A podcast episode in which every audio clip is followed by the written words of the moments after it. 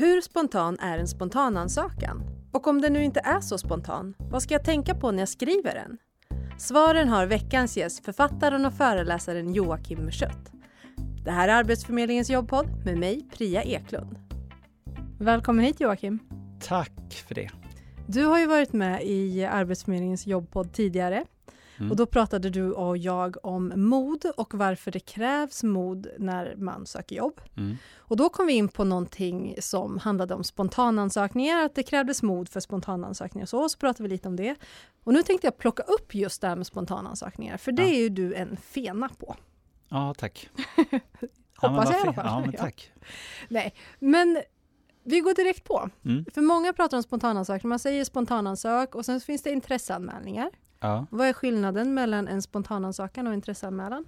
Ja, intresseanmälan, då fyller du i en, eh, en webbform där det står att fyll i här. Så fyller man i sina kontaktuppgifter och hamnar i en databas tillsammans med massa andra människor och så blir man förhoppningsvis i bästa fall kontaktad när det finns en öppen ledig tjänst. En spontanansökan, då tar du en kontakt med en person och ställer frågor till personen som har en dialog med, med en person. Och om det finns ett behov, då skickar man in en spontanansökan med ett CV och ett följebrev som är riktat precis till det man har pratat om. Problemet med det här är att många företag skriver på sina, och även myndigheter, skriver på sina hemsidor. Vi tar emot spontanansökningar, fyll i här. Då menar de egentligen intresseanmälningar. Okay. Och en del av dem skriver ju också att vi tar inte emot spontanansökningar. Och då kan det vara oklart vad de menar. Om de menar att de, vi vill inte bli kontaktade på telefon eller du kan inte mejla till oss. Mm. Så ett färdigt formulär, det är en intresseanmälan, men någonstans där jag själv tar kontakten, det är en spontanansökan. Ja, jag tar själv kontakt och sen i den, i den mån det finns ett behov och vi har fått en, fått en kontakt, eh, då skickar jag en, en, en spontanansökan som då är brev och ett CV. Mm. Men så som det låter på dig nu, mm. så är ju inte en spontanansökan egentligen jättespontan, eller? Nej, det är det inte. Det är inte särskilt spontant, utan eh, det är klart att man kan eh, på vinst och förlust lyfta luren och plocka upp ett företag, vilket som helst, och ringa sig fram till en chef och ställa frågor. Och i det fallet så blir det ju lite spontant. Men ska man lyckas med det här på ett bra sätt, då krävs det en massa research mm. först. Och var börjar jag? Nu, nu, idag säger vi då att jag söker jobb via annons. Mm. Jag söker kanske jobb via sociala medier. Mm. Någonstans kanske jag inte vågar, jag kanske inte har modet att mm. faktiskt söka spontant för att jag tänker att det blir för spontant. Mm. Men det är ju inte spontant och då är ju frågan hur spontanansöker jag då? För att det låter ändå som att jag behöver ha en strategi. Ja, det behöver man ha, men mycket av det här handlar ju faktiskt om mod. Därför att många drar sig för att ta kontakt, för man är rädd för att bli, känna sig avvisad i telefonen och eh, därför hittar man alla möjliga ursäkter för att inte ta kontakt. Eh, man, man, söker på annons, det är det tryggaste sättet, men också det mest eh, konkurrensutsatta. Så att när man, när man gör vad man gör, man gör upp en lista på företag som man tycker är intressanta. Och så tar man reda på vad chefen heter på den avdelning där man är intresserad av att vilja jobba. Man ska inte ringa till HR utan man ringer till chefen för den avdelning där man vill jobba. Det kan man hitta antingen på, ehm, eh, på eh, LinkedIn. LinkedIn, Spotify höll jag på att säga. Nej, men LinkedIn hittar man det. Och man kan också hitta kompletterande information på allaverksamheter.se och allabolag.se kan man hitta företagsinformation.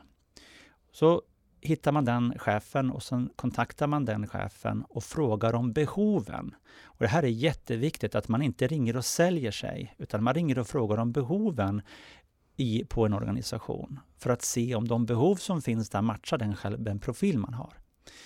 Vad man, än, vad man än måste göra måste alltså se till att, den, att man följer sin agenda. Vad är syftet med att jag ringer? Jo, syftet är att jag ska få information. Och då måste jag vara trogen och autentisk till det syftet. Ofta så missar man det där. Man tror att man ska sälja in sig. Man tror att man ska säga någonting smart. Och så blir det ett gap mellan det jag säger och min egentliga agenda. Så att det jag säger och min agenda, mitt syfte, måste vara glasklart. Det får inte finnas något gap däremellan. Och det syftet måste jag ha gjort klart för mig redan innan det här samtalet. Ja, det och det är där den här researchen kommer in ja. också. För det kan ju kanske, kan det vara så att jag under researchen inser, eller jag gör min lista, jag kanske börjar med fem företag mm. och sen gör jag research på de här olika företagen. Kan det vara så att jag under den researchen inser att nej, vänta nu, jag måste stryka ett? Eller ska man ändå liksom ringa och höra om behovet? Jag vet, alltså det kan komma fram information kring att nu har vi sagt upp tio personer. Mm. Då kanske det inte finns någon idé att att liksom ringa just det företaget? Nej, så kan det vara, men det, det, det är så här att i ett jobbsökarprojekt, alla som söker jobb är ju projektledare för sitt projekt att driva det. Och då så kan man ju se att det finns dagens datum som startdatum om man vill se det så. Sen finns det ett annat datum då man kanske är beredd att ta ett försörjningsjobb som, är kanske, som inte är det man vill ha, men ett försörjningsjobb. Och då kan man ju dela in jobbsökandet i A, önskejobb, B, okej-jobb och C, försörjningsjobb. Och så kan man dela upp den här tiden i, eh, i att söka, nu ska jag kartlägga min A-marknad och min B-marknad. Vi säger då att det finns 40 företag i A-marknaden. Om jag, om jag då kartlägger dem och ringer till dem oavsett vad det står i tidningarna eller vad det nu är för eh, vad jag nu vet om dem, för att fråga om behoven, ja, då är jag så syfte att få kunna kartlägga min bransch för att se vilka behov finns i min A-marknad. Hur står jag mig i konkurrensen mot det som behövs? För att jag sen ska kunna fatta strategiska beslut i mitt jobbsökarprojekt. Då kanske jag behöver växla över till B redan tidigare. Det finns kanske inga behov i A, eller så är mitt, min kompetens kanske fel i A-branschen. Jättebra för mig att veta det. Mm. Eh, så att det jag gör research på är först vad företaget heter, vad chefen heter som jag ska kontakta, vilka frågor jag ska ställa till de här personerna, alltså saker som jag behöver veta för att se om jag skulle trivas. En kort berättelse om vem jag är, om jag får frågan. Det ska jag inte säga om jag inte får frågan, utan jag ringer för att få information, inte för att ge. Eh, och att se då att jag också gör en lista på vad är viktigt för mig om jag ska trivas i en organisation. Och att jag matchar företagets profil, värderingar, inriktning mot de här eh, behoven som jag har. Mm. Om vi backar lite där. Mm. Har du exempel på frågor som jag kan ställa för att få reda på vilket behov arbetsgivaren har? Absolut. Eh, jag, absolut, det har jag. Eh, och de, behov, alltså, man kan säga att det finns två typer av frågor. Dels finns det generella frågor. Och då är det tre typer av generella frågor som jag anser att alla bör ställa i alla samtal till alla personer. Och sen finns det individuella frågor som är unika just för dig. De generella frågorna är till exempel eh, Eh, hur ser behoven ut av den jag är, den jag kanske är projektledare eller marknadsförare eller informatör eller vad jag nu är. Hur är behoven av kommunikatörer? Eh, och om eh, då kan man få massa möjliga olika svar. Men en annan då, den andra eh, generella frågan är om ni ska anställa en kommunikatör i framtiden, vilken kompetens kommer ni att leta efter då? Eller vad ska man kunna som kommunikatör hos er? Vad ska man kunna som informatör? Vad är viktigt när man ska jobba som informatör hos er? För att få ta fram de, de behoven som finns. Och sen den tredje är matchning, det vill säga eh, då, då, man får höra att ja, man som informatör ska man kunna det, det och det och det. Det är att man matchar sin kompetens kort. Ja, jag har gjort de här sakerna, hur ser du på det? För att få se om, om den kompetens jag har matchar de eventuella behov som finns. Så först, hur är behovet av informatörer? Vad ska man kunna som informatör? Och det tredje, hur ser du på min kompetens? Det är de tre generella frågorna. Sen kan det finnas individuella frågor som är detaljfrågor som bara, men om du Priya skulle ringa till någon så kommer du ställa kanske en fråga, hur mycket, hur mycket jobb är det eh, på kontor och hur mycket resande är det? En sån fråga kanske skulle vara viktig för dig. Och den, den, frågan kan vara, det kan finnas unika frågor som har stor betydelse för dig utifrån om du kan och vill jobba där eller inte. Jag jobbar mycket med, med doktorander och forskare idag.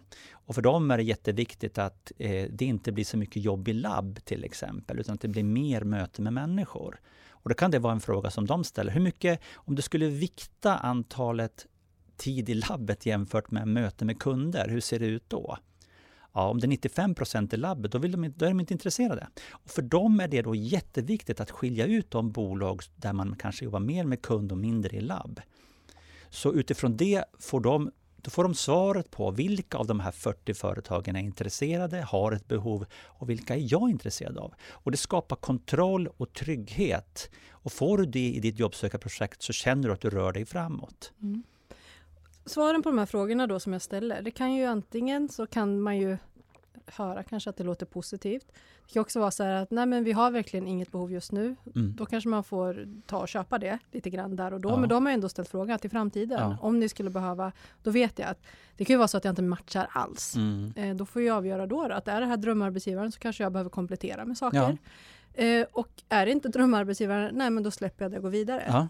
Men i de fallen då som jag har fått en positiv respons mm. eh, de kanske inte kan säga rakt ut. Jag tänker att företagen då kan säga så här, vet du vad, skicka in dina ansökningshandlingar mm, mm. så får vi titta på dem. Ja. Vad ska jag ha med i den här spontanansökan som inte är så spontan? När, alltså då, det är ju nästa steg sen. Ja, det är, det är själva inskickningen av ja. ansökningen. Precis. Det, vad har jag med där? Du pratar om CV och ett följebrev. Ja, jag pratar om CV. Först vill jag lägga till en sak. Mm. Om det är så att den här personen säger till dig tidigt i samtalet. Du, eh, jag, kan inte du, jag har inte så mycket tid just nu, skicka in ditt CV till mig så har jag det. Jag tycker inte att det är någon mening att skicka in CV till en person där du känner själv att du inte har fått en kontakt eller svar på de frågor du vill ha, för det är bara ett fint sätt att vilja avsluta samtalet. Skicka ditt CV till personer som du vet kommer att läsa det och när det är en överenskommelse er emellan. Du ska skicka in ditt CV, precis som du sa. Du ska också skicka in ett brev och då skriver du, det brevet ska orientera sig kring tre saker på max en A4, alltså helst, helst en halv A4. Och det första är, varför är jag så intresserad av IKEA till exempel? Varför vill jag jobba på IKEA? Vad är det med IKEA jag ser som jag tycker är så spännande? Mm. Eh, vad blir mitt bidrag det vill säga om du tar in mig, vad är det jag ser med mig själv som jag kan bidra till som informatör? Det behöver inte vara min utbildning eller min erfarenhet, det kan vara andra saker. Det kan vara att jag, jag, jag kan estniska eller jag kan vad det nu är. Eller jag, det finns massa, möjlighet, massa saker med mig som människa som gör mig unik i förhållande till IKEA som de kanske inte känner till, men som jag ser. Vad är det för någonting? Unikiteten med mig. Eh, och det tredje är, vem är jag som person? Det kan vara egenskaper, det kan vara eh, vad jag tycker om, det kan också vara vad jag gör på min fritid. En del personer säger, men varför är det viktigt? Det är viktigt av två skäl. Första skälet är att vi får lite kontakt med den här personen, den här duktiga informatören. Att han eller hon tycker om att plocka svamp eller spela handboll eller vad det är. Spelar man handboll, då är man van teamspelare. Spelar man schack, då är man en van enspännare. Då jobbar man för sig själv. Eh, alla lagsporter och sånt där är bra att lägga till, för då förstår man att man är van att jobba i team. Eh, och den andra orsaken till att man beskriver privata, det är för att eh, då vet jag som arbetsgivare att du har en naturlig balans mellan jobb och fritid. Jag behöver inte oroa mig för att du ska slita ut dig och eh, sova i källaren här eller någonting och bli utbränd. För då, eh, jag vill att du, du har en sund, sund balans mellan arbete och fritid. Mm. Och där du säger nu de här tre sakerna, det är ju väldigt viktigt i just den här typen av ansökningar för att det finns ingen tjänst att utgå ifrån. Nej. Och det är ju först då du kan börja ja, men, sälja in dig själv ja. i det här brevet. Ja. Och det kanske du inte ska göra vid första kontakten för att du vet inte behovet. Nej. Men här blir det då viktigt att fokusera på de här tre delarna som mm. du nämnde för att mm. du kan inte anpassa utifrån en annons eller sådär. Nej, man måste tänka på att jag har automatiskt, när det ringer upp någon till mig som jag inte känner, jag blir automatiskt misstänksam, för jag tänker den här personen försöker sälja någonting till mig, vad är det? Och då är det lätt att det är svårt att komma över den här tröskeln som man har i början. Men om du är i dina frågor och i ditt genuina, autentiska syfte att få information, inte att sälja dig själv, att få information, och du ställer frågor snarare än talar om hur förträfflig du är, ställer frågor för att få reda på hur är behoven här, så kommer det att bli lättare. Mm. Skulle du säga att följebrevet i det här fallet är viktigare än CVt? Uh, ja, det där är svårt att svara på därför att, uh, ja i och för sig, när det gäller spontanansökan ska jag säga ja, följebrev. Ja, precis, när det tack, gäller spontanansökningar ja. bara. Jo, men det är jätteviktigt. Uh, det, att du, du, du talar om vad du vill Och att du kan saker, att du har tio års erfarenhet, det är inte samma sak som att du är rätt person.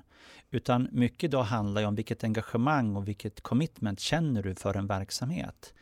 Det finns hundra informatörer. Varför ska jag välja just det? Jo, mitt engagemang för den här verksamheten är ju det som, som kan få en arbetsgivare att känna, gud vilken bra person, han eller hon kommer att eh, kommer engagera sig i det här. Mm. Och då blir också arbetsgivaren sedd för vad han eller hon har strävar efter. Det är en person som verkligen tycker att det jag har åstadkommit och det jag gör är fantastiskt. Gud, som person vill man ju ha nära sig. Precis. Mm. Joakim, finns det någonting du skulle vilja avsluta med innan vi rundar av vårt samtal här? Ja, det finns massor. Jag kan prata länge om det här. Nej, jag tycker att spontanansökan är det absolut viktigaste verktyget när du söker jobb. Därför att du, du marknadsför din i särklass viktigaste kompetens, vilket är ditt engagemang. Eh, som sagt, att du kan saker och ting är bra, men att du vill någonting är ännu viktigare. Du hjälper arbetsgivaren spara pengar och tid genom att själv ta kontakt. Eh, och du upplever, när du gör det här, när du sätter dig bakom ratten i ditt jobbsökarprojekt och driver på med spontanansökan, så kommer du uppleva kontroll och då får du trygghet. Då känner du att det är du som styr ditt jobbsökande och inte att du behöver vänta på att rätt annons ska komma ut. Du, med de orden så tycker jag att vi fick ett fantastiskt avslut på vårt samtal. Tack ja. Joakim för att du ville prata med mig idag. Ah, tack för att vi kom. Jättekul, tack. Du har lyssnat på Arbetsförmedlingens jobbpodd med mig Priya Eklund och veckans gäst Joakim Muschött. Inspelningsansvarig var Roger Svanell. Nästa vecka ska vi prata om hur du kan pitcha dig själv i en hiss. Vi hörs då.